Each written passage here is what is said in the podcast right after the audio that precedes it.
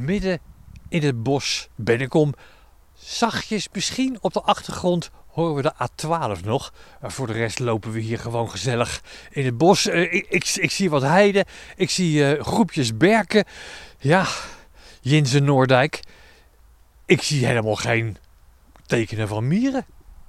Nou, het is ook al bijna winter, hè? dus het is lekker koud en eh, er hangt mist en het druppelt lekker uit de bomen.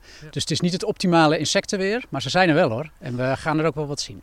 Dit stukje bos, helemaal verscholen in, eh, in de bossen hier. Dit is het mierenreservaat. Het is eigenlijk maar klein, eh, nou, wat, wat groter dan 15 hectare. Maar de kracht zit er vooral in dat het heel gevarieerd is. Dus je hebt kleine stukjes hei. En die hei is niet saai, maar er staan ook weer bomen en struiken in.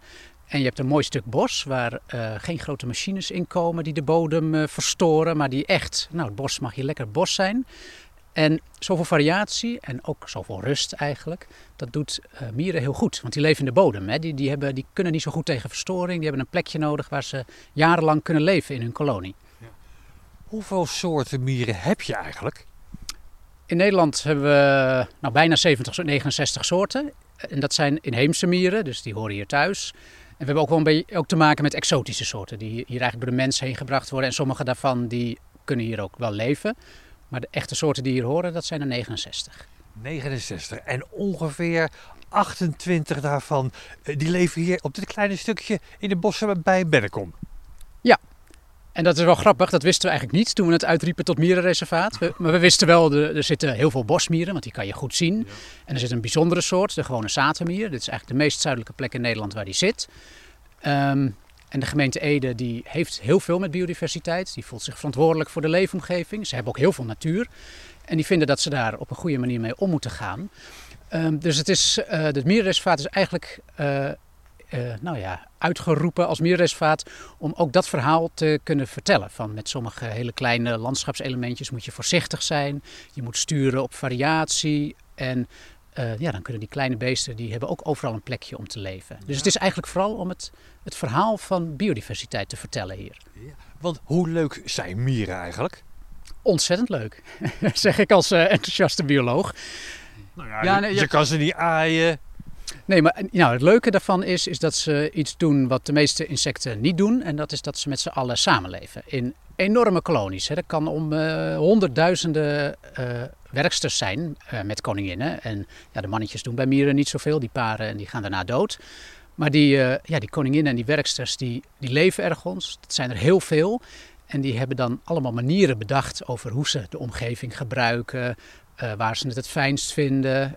Ehm, en omdat ze er altijd zijn, dat heb je altijd in de natuur. Hè? Als er iets vast is, dan gaan andere soorten zich daarop aanpassen. Dus je hebt bijvoorbeeld vogels die echt weten, oh daar is een bosmierhoop. En dan neem ik elke week een hapje uit, want dan blijft die bosmierhoop bestaan. En ik heb elke week een beetje eten. Dus het Dus is, de mieren worden onderdeel van het geheel, zou ik maar zeggen. Echt voor biodiversiteit. ja, en omdat het er zoveel zijn, is het best wel een belangrijk onderdeel. Ik ken mieren eigenlijk voornamelijk van in mijn tuin. Dat ze in de planten en in de bomen klimmen en daar de luizen melken. Ja, dat is, ja, dat is ook weer een van die eh, belangrijke interacties die mieren aangaan. Eh, kijk, de eitjes die, die worden larven en die moeten groeien. Dus die krijgen heel vaak die prooien. Hè, daar gaan eh dode beestjes heen. Dan gaat allerlei eten gaat dat nest in om de mieren op te laten groeien. Maar als een mier eenmaal volwassen is, dan is hij uitgegroeid. En dan heeft hij eigenlijk vooral heel veel behoefte aan energie. Want een mier is heel druk, dat weet denk ik iedereen wel. En bladluizen die zuigen uit bladeren, zuigen ze hun voedsel. Eh, maar in dat voedsel zit eigenlijk veel te veel water en veel te veel suiker. Dus ze moeten heel veel drinken om een paar van die goede voedingsstoffen binnen te krijgen. En al dat water en al dat suiker, dat gaat er weer uit aan de achterkant. En dat suikerwater, wat die bladluizen uitscheiden, dat vinden die mieren weer geweldig. Dat is een soort limonade. En als ze daar lekker van drinken, dan hebben ze weer superveel energie om eh, die hele boom in te rennen. Om weer eens op zoek te gaan naar een rups. Nou staan we hier bij het bankje. Dit is de ingang van het mierenreservaat. Ik zie helemaal geen sporen van mieren. Nou, dan gaan we iets verder lopen. Ja? Ja. Even een stukje lopen. Kijken of we iets tegen kunnen komen.